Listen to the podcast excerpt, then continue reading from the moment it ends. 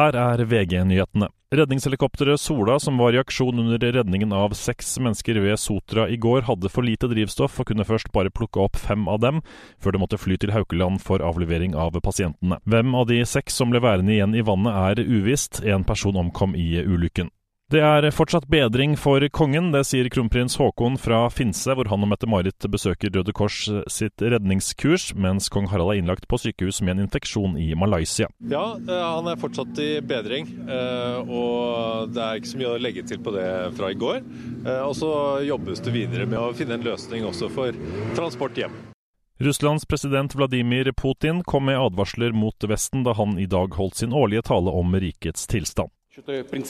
Ingen skal blande seg inn i våre innenriksanliggender, sa Putin og la til. Vesten er et falmende, døende område. Vesten tok feil da de sto overfor det russiske folks besluttsomhet. Vårt folks enhet er en kolossal, altovervinnende kraft, sa presidenten i talen. Reporter Thomas Alsaker. I studio Andreas Hagen Haakonsen, nyhetene får du alltid på VG.